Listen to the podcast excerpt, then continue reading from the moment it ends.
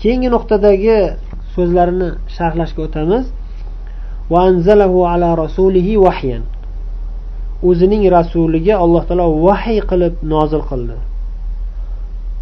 Ya'ni avval olloh o'zi so'zladi va o'shani vahiy qilib nozil qildi. O'zining rasuliga.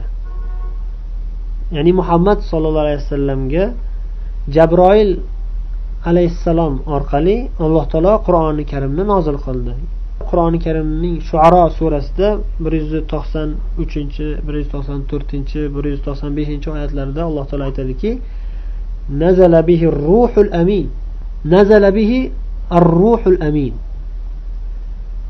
Bihi deganda ya'ni bihi bil qur'oni karim. Qur'oni karimni ar ruhul amin nozil qilib olib tushib keldi olib keldi. Tepadan osmondan tushib keldi qur'oni karim bilan birga. Kim? Ar ruhul amin. Qur'oni karim bilan tushib keldi nozil bo'ldi. Ar ruhul amin omonatdor ruh ya'ni jabroil alayhissalom. Qayerga tushdilar? Qayerga olib tushdilar qur'oni karimni? Qayerga olib tushdilar? Ala qalbika litakuna minal munzirin deyapti alloh taolo.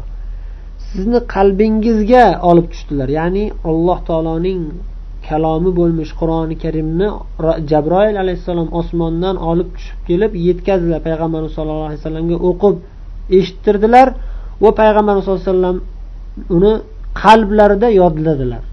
Demak qalblariga tushib keldi. Qur'oni karim osmondan alloh taolodan tushib nozil bo'lib payg'ambarimizning qalblarida mustahkam o'rnashdi. Nima uchun payg'ambarimizga alloh taolo shu qur'oni karimni yubordi nozil qildi. Litakuna minal munzirin deyapti alloh taolo. Toki siz ogohlantiruvchilardan ya'ni payg'ambarlardan bo'lishingiz uchun. Qur'oni karim qaysi tilda nozil bo'ldi? Uni ham olloh xabar berib aytyaptiki bilisanin arabiyyin mubin. Ochiq oydin ravshan til arab tili bilan nozil bo'ldi. Qur'oni karim arab tilida nozil bo'lishligi ham juda ham ravshanlik bilan nozil bo'ldi. Oddiy arablarni gapiga o'xshagan gap emas. Ollohning kalomi eng ravshan eng ochiq oydin so'z bo'lgan holatida nozil bo'ldi. Nima uchun alloh taolo arab tilini tanladi? U albatta o'sha arab tili eng mukammal eng buyuk til bo'lganligi uchun va mubin. Boshqa tillarga qaraganda arab tilida bayon qilib gapirish ochiq oydin ravshan qilib tushuntirish kuchliroq. Barcha tillarni ichida eng boy til arab tili. Barcha tillarni ichidagi eng boy til arab tili. Shu munosabat bilan bir qisqacha bir e, mavzudan tashqariga o'xshagan bo'lsa ham bir ma'lumotni man sizlarga aytib o'tsam hozirgi zamonda eng keng tarqalgan til afsuski ingliz tili hammanglarga ma'lum. Butun dunyoda eng ko'p tarqalgan til ingliz tili.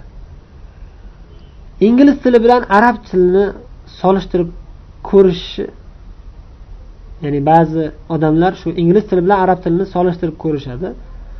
Shuni natijasini yozishgan kitoblarda mana shundan bir qisqa ma'lumotni man sizlarga aytib o'taman. Biza hozir mana yigirma birinchi asr milodiy hisob bilan yigirma birinchi asrda yashayotgan paytimizda ingliz tilini bir million kalimaga yetganini aytishyapti. Ingliz tilida bir million kalimadan ortiq so'z bor. Bir million kalimaga yetib shundan oshdi deb yaqinda shu ilmiy markazlardan biri bayonot chiqargan ekan. Shu g'arb davlatlarida. Adashmasam angliyadami amerikadami? Xullas ingliz tili bir million kalimadan oshdi degan ma'lumot. Bu qachon xabar berilyapti bu ma'lumot? Yigirma birinchi asrda mana. Endi arab tiliga kelsangiz arab tili to'g'ri hozir keng tarqalmagan lekin uni tarixi juda ham buyuk qadimiy tarix islom tarixida arab tili bo'yicha mutaxassis juda ham buyuk allomalar o'tishgan. Ana shulardan biri al farohidiy degan olim. Ana shu imom al farohidiy arab tili bo'yicha eng buyuk ulamolardan bir kishi. Aytadilarki o'n ikki millionta kalimani bilaman arab tilida. Arab tilida o'n ikki million kalimadan ko'p kalima bor. Deb aytganlar. Bu qachongi aytilayotgan gap? Bu taxminan hijriy hisob bo'yicha uchinchi asrda aytilayotgan so'z. Uchinchi asrda aytilyapti. Hijriy hisob bo'yicha. Agar milodiy hisob bo'yicha aytaman desangiz milodiy hisob bo'yicha o'ninchi asrga to'g'ri keladi. Taxminan. Biz hozir yigirma birinchi asrdamiz. Ya'ni o'n bir asr oldin aytilayotgan gap. Endi o'sha payt o'n ikki million bo'lgan bo'lsa borgan sari o'zi til boyib boradi ko'payib boradi. Boshqa kalimalar qo'shilib boradi. Lekin arab tili yana bir xususiyati arab tilini xususiyatlaridan yana biri butunlay o'zgarib ketmaydi. Boshqa tillar eski holati bilan yangi holatida ancha katta farq bo'lib eski tilni o'rganganlar yangi tilni bilmaydi tushunmay qoladi hatto. Lekin arab tili unday emas. Va arab tili mana shunday qadimgi arab tili bilan hozirgi yangi arab tili bir birisiga tushunarsiz darajada bo'lib o'zgarib ketmasligini sabablaridan eng asosiysi balki asosiy sababi qur'oni karim nozil bo'lganligi. Qur'oni karim nozil bo'lib shu arab tilini salomat saqlab qolgan.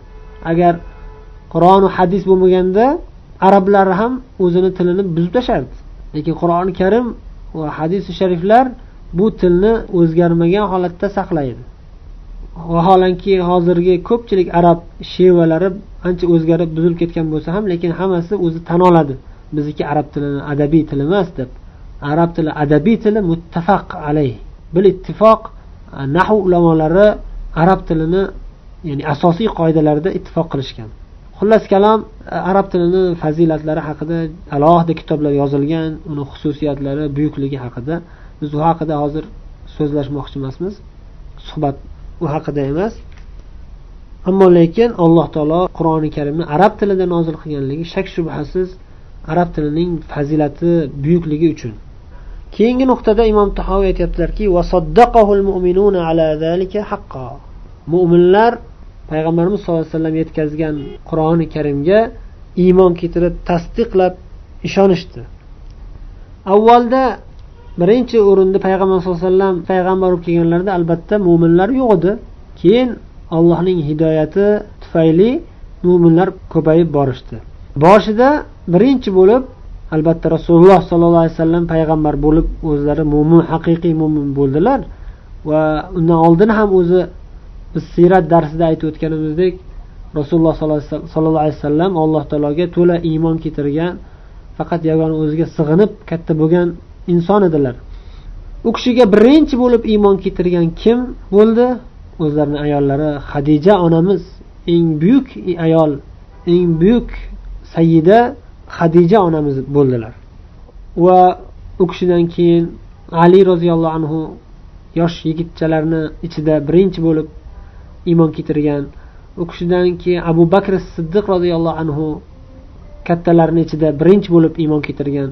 Hech qanday taraddudsiz birinchi eshitishlari bilanoq darhol tasdiqlagan iymon keltirgan kishilar.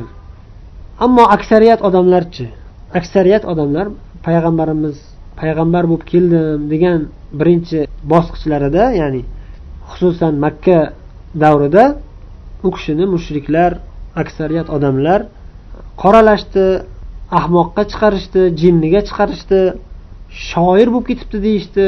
Folbin bo'lib ketibdi deyishdi. Sehr qilyapti deyishdi. Sehrgar bo'lib qoldi deyishdi. Va hokazo. Ammo lekin haqiqiy mo'minlar abu bakr siddiq hadija ali roziyallohu anhudan boshlab keng tarqalib borgan haqiqiy mo'minlar albatta rasululloh sollallohu alayhi vasallamga to'la iymon keltirishdi.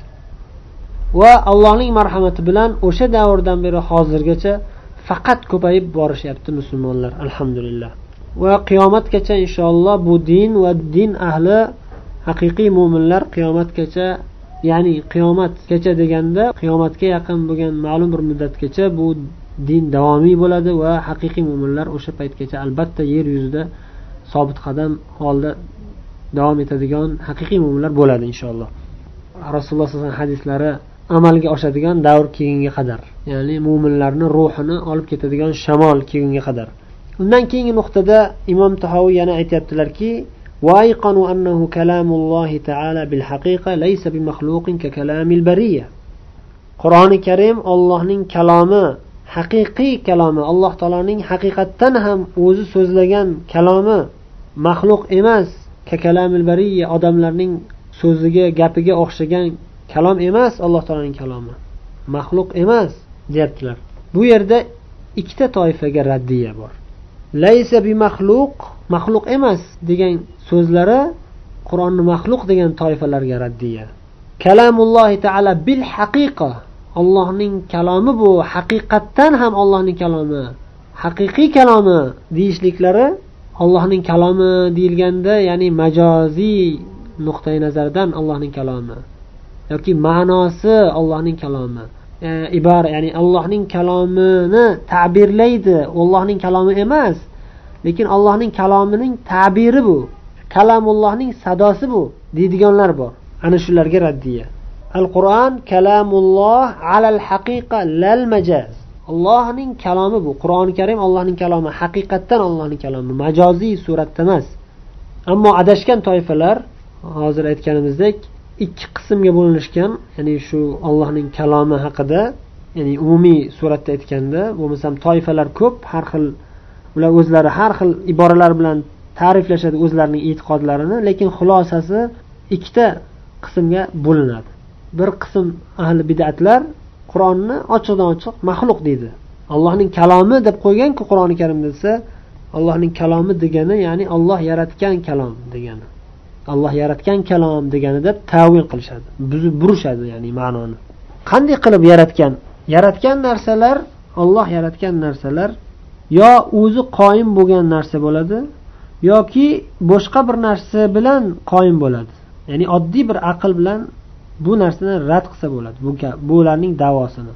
Allohning kalomim deganda qur'on allohning kalomi deganda ya'ni olloh yaratgan kalom olloh yaratgan kalom deydi ular bidatchilar. Agar shunday deydigan bo'lsanglar olloh yaratgan kalom deydigan bo'lsanglar allohning kalomi deganda allohning o'zining kalomi emas. Olloh gapirmaydi deydi ular. Bidatchilar ollohni gapirmaydigan ojizlik bilan sifatlab qo'yadi. Ya'ni gapirmaslikni o'zi ojizlik sifat alloh taolo mushriklarni butlarini mushriklar paydo qilgan butlarni ayblaganda nima degan? E, Ibrohim alayhissalom o'zlarining qavmlariga nasihat qilib ularni shirkdan qaytarganda butlaringlarga qaramaysizlarmi gapirmaydiku bular degan. Gapirmaydigan narsaga qanday qilib sig'inasizlar deb ayblaganlar. Ya'ni gapirmaydigan narsa tabiiy u ojiz narsa. Nuqson sifati bu gapirmaslik. E bu bir jihatdan alloh taoloni ayblash. Ya'ni alloh taolo gapirmaydi deyishlik bu o'sha bidatchilar qur'onni maxluq deyishiga sabab asl sabab alloh taoloni gapiradi deyishdan qochish. Nima uchun alloh taolo gapiradi demaysizlar desa u gapirishlik sifati bu azaliylikka to'g'ri kelmaydi deyishadi. Ularni noqis aqli bilan ularni noqis tasavvuridagi narsalar bular. Olloh gapiradi desak alloh taologa yangi paydo bo'ladigan narsalarni qo'shib qo'ygan bo'lamiz. Alloh taologa yangi paydo bo'ladigan narsalar qo'shilmasligi kerak. Alloh azaliy zotmi? Azaliy zot bo'lgandan keyin yangi paydo bo'ladigan narsalar unga aloqasi bo'lmasligi kerak. Gapirishlik sifati bu gapiradi desa ya'ni masalan bismillah deganda bism kalimasi alloh kalimasidan bismillah deganda bism kalimasi alloh kalimasidan oldin. Be harfi sindan oldin. Bu zamon. Bismillah deganingizda masalan bir sekund o'tyapti. Shu sekundni bir necha qismga bo'linadi. U zamonga bog'lanib qoladi. Ya'ni olloh kalimasi bismdan keyin chiqdi. Bir kalimani gapirsa masalan o'sha kalimani boshi bilan oxirida vaqt o'tadi. Avvalgi vaqtda gapirgan gapi ham keyingi vaqtda gapirgan gapi ham ma'lum bir muddatga bog'lanyapti. Undan oldin bo'lmagan. Ya'ni hudusul havadis hodisalarni hodis bo'lishligi hodisalarni hodis bo'lishligi paydo bo'ladigan narsalarni paydo bo'lishligi shu gap shu ovoz avval bo'lmasdan keyin paydo bo'lishligi bu alloh taologa to'g'ri kelmaydi. Alloh azaliy zot deb o'zlaricha aqliy falsafalar bilan kelib asl sabab shu. Ya'ni allohning kalomini maxluq deyishlikka olloh gapirmaydi deyishlikka asl sabab shu. Ya'ni olloh gapirmaydi nimaga? Chunki bu noqislik sifati zamonga bog'lanib qolganligi avval bo'lmasdan keyin bo'lgan narsalarni allohga bog'lashga olib borib qo'yadi. Bu narsa to'g'ri kelmaydi deb turib o'zlarini noqis aqllar bilan gapirishgan. Aqliy jihatdan ham ulamolar bu narsalarni botilligini bayon qilishgan. Xullas mana shunaqa botil davolar bilan ollohni kalomini maxluq deyishyapti. Endi yana o'sha aqliy ularni o'zini aqliy e, nuqtai nazaridan kelib aytganligi uchun biz ularga qur'on hadisdan gapirsak qabul qilmasa aqliy nuqtadan gapirib rad beradigan bo'lsak oddiy aql bilan qaraganda ham narsalar o'sha ikki qismga bo'linadi. Buni o'sha falsafachilar o'zlari aytishadi arob va javhar. Arob va javhar ya'ni bir o'zi bilan qoyim bo'ladigan narsa bor uning sifati o'shasiz qoyim bo'lmaydigan boshqa narsalar bor arob deyiladi. Masalan deylik kasallik yoki deylik masalan kulishlik sifati. Kulish degan narsa o'zi alohida bir maxluq emas. Alohida o'zi turadigan bir ushlanadigan bundoq tutib olinadigan yoki hidlanadigan narsa emas bu. Kulish deganda alohida bir alohida mustaqil bir maxluq tushunilmaydi. Xuddi shunga o'xshab so'z gap alohida o'zi o'zi bilan o'zi qoyim bo'lib turadigan narsa emas bu so'z gap. Albatta boshqa bir narsa bilan paydo bo'ladi. Ya'ni kimdir gapiradi o'shani gapi gap deyiladi masalan. Bu yerda mutazilalar aytyaptiki allohning kalomi maxluq deyapti. Agar maxluq bo'lsa olloh yaratgan maxluq bo'lsa kalamulloh ya'ni olloh yaratgan kalom. Deydigan bo'lsak qayerda yaratgan? Qani u? Ushlasa bo'ladigan narsami? Degan savol beriladi. Ular aytishi mumkinki rasulullohda yaratgan. Payg'ambarni og'zida yaratgan payg'ambar gapiradi. A unda payg'ambarni gapi bo'lib qoladiku. Payg'ambar gapirsa payg'ambar gapi bo'lib qoladi. Allohning gapi emasku unda.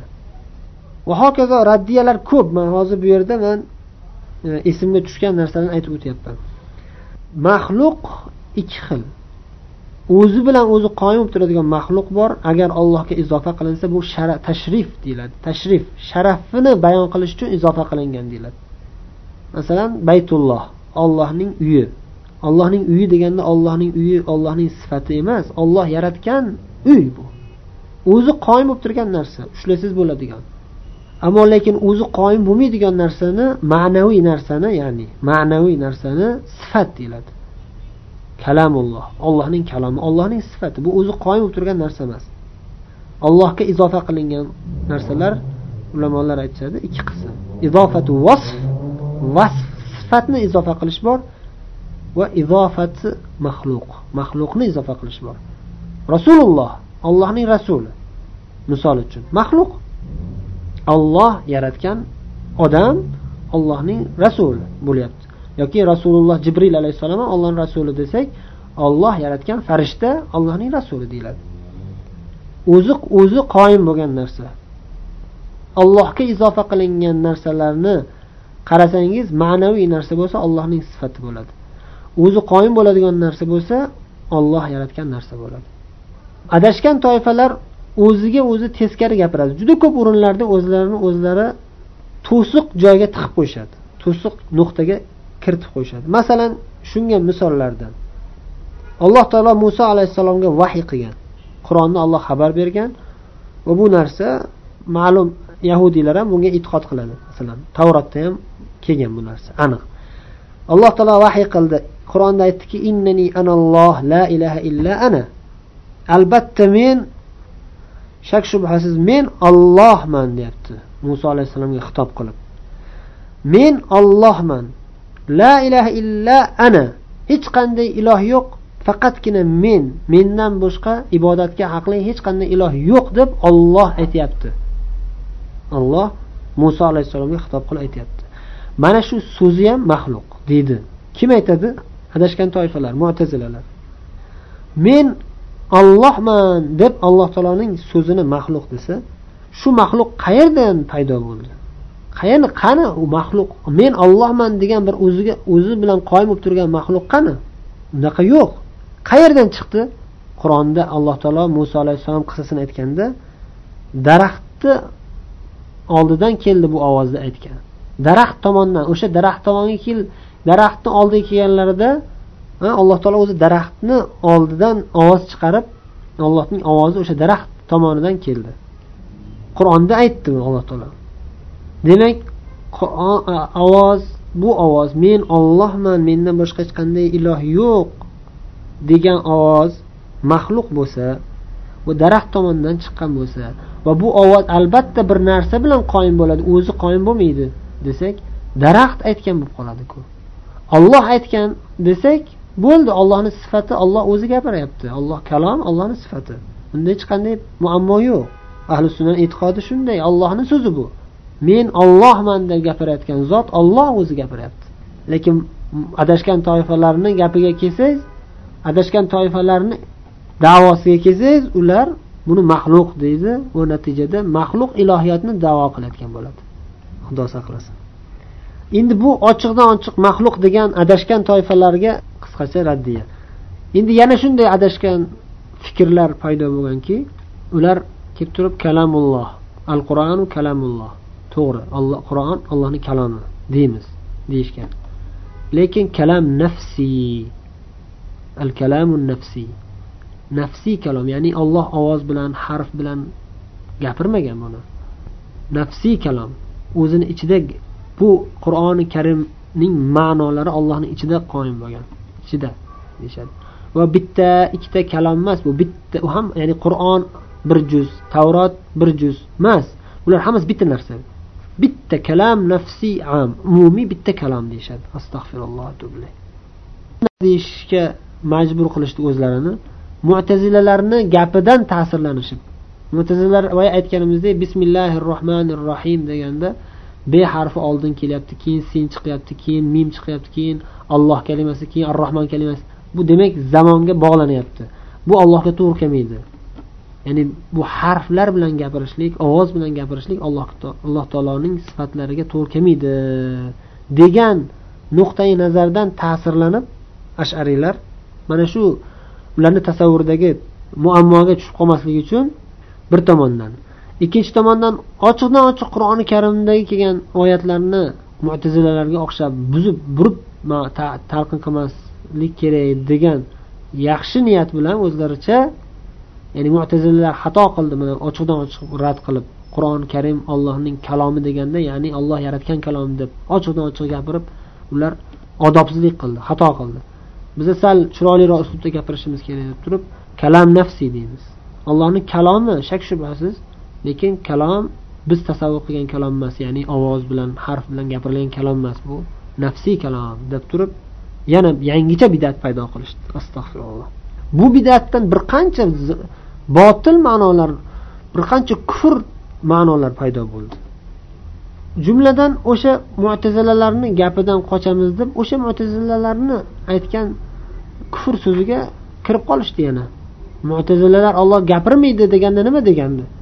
Ya'ni alloh taolo ovoz bilan harf bilan gapirmaydi chunki alloh bu ham bular ham xuddi shunaqa. Ollohni gapirishlik sifatini rad qilishdi. Faqat ular ochiqchasiga gapirmaydi deyapti. Bular gapirmaydi emas gapiradi lekin ma'naviy gap nafsiy kalom. Nima farqi bor? Nafsiy kalom odam ya'ni ya'ni tashqarida gapirmaydi degani soqov. Soqov ham gapirolmaydigan masalan soqov odam ham ichida miyasida har xil gaplarni o'ylaydi gapiradi ichida. Fikr ya'ni. Kalam nafsiy bu fikr. Odamni ichidagi yuradigan xayol yoki fikr. Bid'atga kirgan odamlar shunday. Borgan sari battar balchiqqa botib ketaveradi. Bir balchiqqa kirib qolsa ketdi botib ketaveradi. Yangi yangi bid'atlarni o'zi bittasidan qochaman deb ikkita bid'atga tushib qolaveradi. Olloh asrasin. Biz shuni bilishimiz kerakki qur'oni sunnatdan chetga chiqmasligimiz kerak. Qur'oni sunnatdagi ochiq oydin hujjatlar bilan cheklanishimiz kerak. Ahli sunna val jamoa mana shunday. Qur'oni karimda alloh taolo aytib qo'yganday iymon keltirishadi. Al qur'anu kalamulloh alal haqiqa. Haqiqatdan ollohni kalomi deymiz. Nima uchun haqiqatdan degan gapni qo'shishga biz majbur bo'lyapmiz? O'zi aslida buni qo'shmasak ham haqiqatdan deb biladi har bir mo'min odam. Lekin alohida ta'kidlanishiga sabab o'sha bid'atchilarga raddiya sifatida. O'sha bid'atchilar shu gapni gapirmaganda biz buni aytishimizga hojati yo'q edi.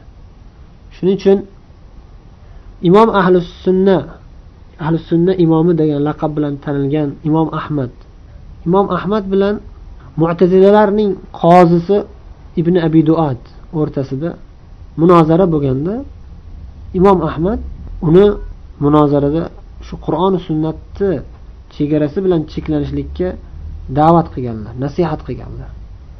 Va u imom ahmadni so'zlariga javob topib berolmagan. Va xuddi shuningdek bishr al marrisiy degan jahmiyalarni eng kattalaridan bu bishr al marrisiy bilan abdul aziz al makki rahimaulloh buyuk ulamolardan buyuk imomlardan munozara qilishganda u kishi ham o'sha bishr marrasini shu qur'on sunnat bilan cheklanishlikka da'vat qilib nasihat qilganlar va u tortishuvda yutqazgan. Qanday? Ya'ni boshida shu ahli sunna val jamoa ulamosi bilan qur'on maxluq deydigan kimsalarni o'rtasida tortishuv bo'lganda